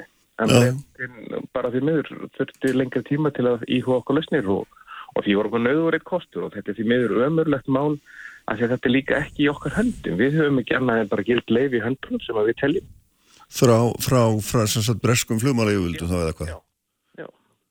Og hérna, og svo kemur þetta svona og það vantar svolítið mikið eða mér finnst þetta svolítið skrítin stjórnsísla að það komi síntal snemma morguns á, á hérna amalistegi krýningaramalis drottningar eða hérna á hátíðutegi krýningaramalis drottningar um, tímyndum eftir flugtak og hérna þar er þessum uh, hérna efasendum hreift munlega og við fengum ekkert skriflegt, engar uh, hérna, fyrirspurn eða aðfinnslur eða annað. Þetta móti við erum búin að vera í góðu samtali við yfirvöld í þrjá mánuði áður en að þetta til þessa flugs kemur. Þannig að hefði eitthvað átt að vera að, hefði það mátt kannski komið ljós fyrir. Já, en sko þa- það sem er náttúrulega þvælist líka fyrir manni þessu, að þú nefnir þetta að þetta séu þessi tvennir, tvennir samningar annars er það eh, þessi samningu sem Íslands stjórnvöld státuðu sér nú mikið af þessi sérstakki lottferða samningu mill Íslands og Breitland sem taki gildi eftir Brexitið og hins er þetta bara Európusamningurinn Európusambands eða Európa efnahagssambands samningurinn við breyta og ég meina þið eruð sko, hvers konar fyrirtæki er næsir? Því þið eruð hérna Þið eru ekki ferðarskristofa, mér skilst að það sé eitt vandamálið að þið megið ekki selja ferðir inn af því að þið séu ekki ferðarskristofa en til Breitlands og, og hitt er hérna að, að sko, svo er það annað flugfélag sem sinnir fluginu, það er að segja þetta rauninni Highfly Malta er það ekki? Jú, ég meina hva, hva, hvernig skilgreinir þá næs er þarna milli? Ef þú, sko, ef þú ferð á stað með flugfélag, Já. þá er það alveg klart mál og ég veit að margir kollega mínir hafa sagt það sama að ef þú ætlar að vera með sjálfstætt flugrættarleifi, þá þarf það að vera með ákveðna stærðarhagkvæði, þrjár til sex eða fleiri þóttur til þess að standa undir slíku. Og hérna, við erum, eh, við vorum sem, be- sem betur fyrir okkar, okkar góðu sérfræðingar íslenskir, kom okkur í samband við, við þennan flugrættarræðilega sem er rekur mjög stóran hérna, og hefur hefur gert mjög lengi flota af góðum flugvilum með góðu viðhaldi og öllu, öllu på tíð. Og þannig fyrir að var stað þessa fyrstu metra og hann er með heimilisvesti á, á Európa efnaðsvæðin eða innan Európa sambandsins. Við erum síðan að hérna, sinni markastarfu og erum með allra viðskiptilega ábyrð á miðasölu hérna, e, skipulagningu og svo framvegis. Hvað var þetta leifi sem hún nefnir? Þá snýst þetta um brest ferðarskristofu leifi til þess að selja pakkaferðir. Aha, Og við erum ekki að selja pakkaferðir. nei, Við erum bara sko, að selja þér flug frá A til B og B til A. Og þannig að, að við, við föllum ekki undir það. Það er alveg, alveg á, á kýrskýr og við vorum auðvitað búin að vera í mjög góðu samtali við Íslensk ferðarmálega um akkurat þessi atriði. já, Það er bara að við erum ekki að selja pakkaferðir. Það er að því að ferð með hóteli og bílalegu bíli eða öllu þessum sem að kann að tengja ferðalæginu. Þannig að hérna, það er á ekki við. Þannig að það er einhver fyrirsláttur að hálfu breytana þínum að eða hvað Ég veit ekki hvort það er fyrirsláttu. Ég held að þessi, ég ætla að vona að þessi bestavarnir miskilingur og ég er bjartinn á að þetta leysist á, á, á allra næstu dögum. Já, En í varúaskinni þá ákváðum við nú að, að hérna, ferlæniði flug til Breitlands og að fara til að þetta óvissu er eitt. já Þannig að það er nú eiginlega allt og sumt. En Já, það er nú samt töluvert þegar þeir út með þrjá áfangastæði að loka einu þeirra bara svona rétti upphafi reksturs. Já, ég er, já, ef ekki segja bara fall sér fara hill, það er gott að fá sko mótberinn bara svona, við erum búin að hafa afskaplega góðan og þýðan meðbyr hinga til og hérna, það er bara eins og það er. En, Um, það er ekki alltaf, alltaf lokn. Nei, nei, en ég meina þetta lítur samt að sko fyrir fyrirtæki sem er að fara, bara er í starthólunum að kosta mjög mikla peninga það þarf að, að hérna, senda farþega eftir öðrum leiðum. Alltaf þurfi því að greiða það allt sjálf eða eða greiða tryggingar sem að, sem að hérna, ábyrgjast þetta fyrir ykkur, ég meina þetta er þetta er þetta biti. Þetta er, uh, þetta er tjón en, en við erum svo sem með það bara under control og maður myndi segja. En stóra málið er náttúrulega að þetta er náttúrulega löngu tímabært. Já, að hefja þetta flug. Og það er alveg klárlega markaður fyrir þetta flug. Og við sjáum það vel í bókunastöðu okkar á alla áfangustæði að þetta var afskaplega kerkomið fyrir alla að, að fá þetta viðbúti í flórunna og uh, þetta líka eins og tala hefur verið um í stefnum út af stjórnvalda til margra ára að það þurfi að reyna að jafna álægið á landi með því að dreifa ferðamenni betur. Þá er þetta algjörlega besta leiðin til að gera það eru sko 70% þeirra sem að hyggjast koma til Íslands aftur þeir vilja koma spint út á land. Og það er engin sko einfaldari leið til þess að gera það en að hafa beintflug og aðra áfangastæði heldur en inn til já, það er langt skjótvirkasta leiðin. Og við finnum það að, móttökurnar hafa bara verið afskaplega góðar hjá okkur erlendu samstæðsæðum það er sérstaklega breytum og því er þetta auðvitað, auðvitað hérna og það er unni það á við um haustið það byrjað haustprogram en samkvæmt okkar rannsóknir sem við vorum búin að liggja í þrjú ár frá verðanlega fyrir að stað þá uh, ja, eru þær í rauninni að svolítið að raungerast með þeim áhuga á bókunastöðu sem við finnum og sjáum. já, þannig að, að þetta var heiklust orðið, orðið tímabært og sko eins og með alla gungu sem að kannski hefur ekki verið gengin áður mm, og þá kannski sko, getur manni skrikka fótur eða það getur komið eitthvað upp á í upphæði ferðar. En e, það þýðir ekki að hætta bara. Nei, nei. það þýðir ekki, það þýðir ekki bara að hérna setjast á stein og væla. En myndur þú skrifa undir það að þið hafi ekki verið nógu undirbúin eða hvað? alls ekki. Nei, ég vil bara alls ekki skrifa undir það. Við erum með leiði eins og ég sagði þér sem útgifið var 27. mæ þannig að við höfum engar ástæður til þess að ætla að ekki sé allt upp á, upp á tíu. Mm, þannig að e, aftur, það þarf að skýra þetta betur og við Já. bara, eins og ég sagði líka við vorum með lausnir og erum með lausnir á borðinu sem voru sendar brettunum á 50 dag síðasta. En það fannst þeim á skammur tími til þess að taka afstöðu til að leysa með okkur. Já, þannig að nú er bara ný vika framöndan og vonandi getur við hafið þennan skams aftur já. En hvað, hvað segir við hérna við fólki sem að búið var að panta með þér bæði þetta eina flug og eins all þessi önnur sem að þið voru komin með í sölu minnst út þennan mánu þar sem þið hafið aflýst öllum, öllum ferðum til Lunduna hvað hva, hva segir við það fólk? Að því miskist að margir þeirra hafi hérna kvarta sáran yfir því að hafi ekki fengið persónlegar uppsingar heldur bara lesið einhverjum tilkynningar í blöðum og jafnvel lengar og mætt á staðin bara. Þetta þekkir þú sennilega sem fjölumælamaður betur en ég en ef þú þarft að koma upplýsingum til margra uh, á sama tíma þá er líklegast ekkert eins skilvirkt eins og að senda frettatilkynningu eða koma þess í sem viðtekasta dreifingu þó að sé ekki til þín persónulega.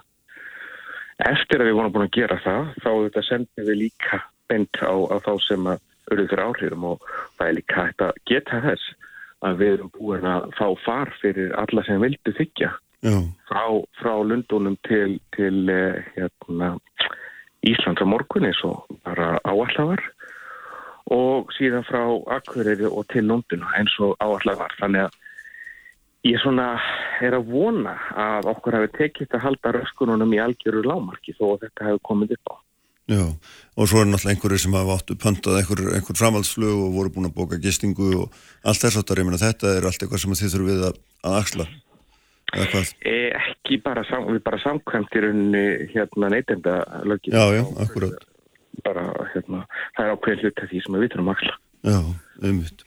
En þú ert að öru leiti hérna að þetta svona, þetta er fúlt. Já, ég trúi því. kringum það, við komum ekki að fara í kringum Nei, það, þetta er nei. bara fúlt og ofsalega óvænt fyrir okkur. Ég hérna þetta er eiginlega, þetta er bara eins og einhver skets að lendi, það ringir einhver. Já, þú veist, e, það er ekkert skriflegt. Þetta er bara mjög furðulegt. Og furðulegt er svona sérkynlega stjórnsýsla. En hérna við bara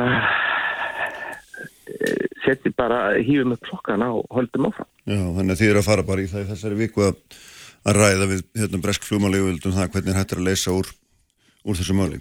eins og ég sagði þér, við lögðum tværi lausnir á borðið Já. á 50 dag Já, en þeim fannst það ekki nægu tími til að taka afstöðu til málsins og vildu býða fram í, í, í, næstu viku, þessast vikuna sem byrjar á morgun. já, Þannig að, já, já, ég held að við erum með afskaplega gott fært fólk uh, sem er að vinna þessu með okkur bæði innan stjórnsýslunar og svo sérfræðingar uh, hérna íslenskir. Þannig að ég á bara vona því að þetta leysist á hérna góðan hátt. já, akkurat. Uh, og svona, þú, lýsir því að bókunarstaðan sé góð, þannig að hérna, og, og ætlið ykkur að halda áfram síðan fram á haustið og, og, og veturinn ef að ef allt gengur þólanlega upp eða hvað. Það hefur ekki staðið annað til heldur en að koma á helsarsflýg. Já, það er, er okkar rannsókn að sína það að það sem markaði fyrir alltaf tíu flug í viku frá uh, áfangastöðum í Európu inn til Akureyrar og alltaf tíu flug frá Akureyri til áfangastöða í Európu. Þannig að hérna, og ef við bara deilum svolítið í það, þá erum við samt ekkert kannski allt of bjart sín að telja að fjögur, fimm flug í viku geti verið eitthvað sem var í grundvölu fyrir og ég finn það auðvitað bara í öllum, öllum viðbröðum fólks auðvitað bört sér frá þessu, þessu gríðarlega leiðinlega máli sem að, að hérna, við lendum í og er algjörlega bara handan okkar stjórnar.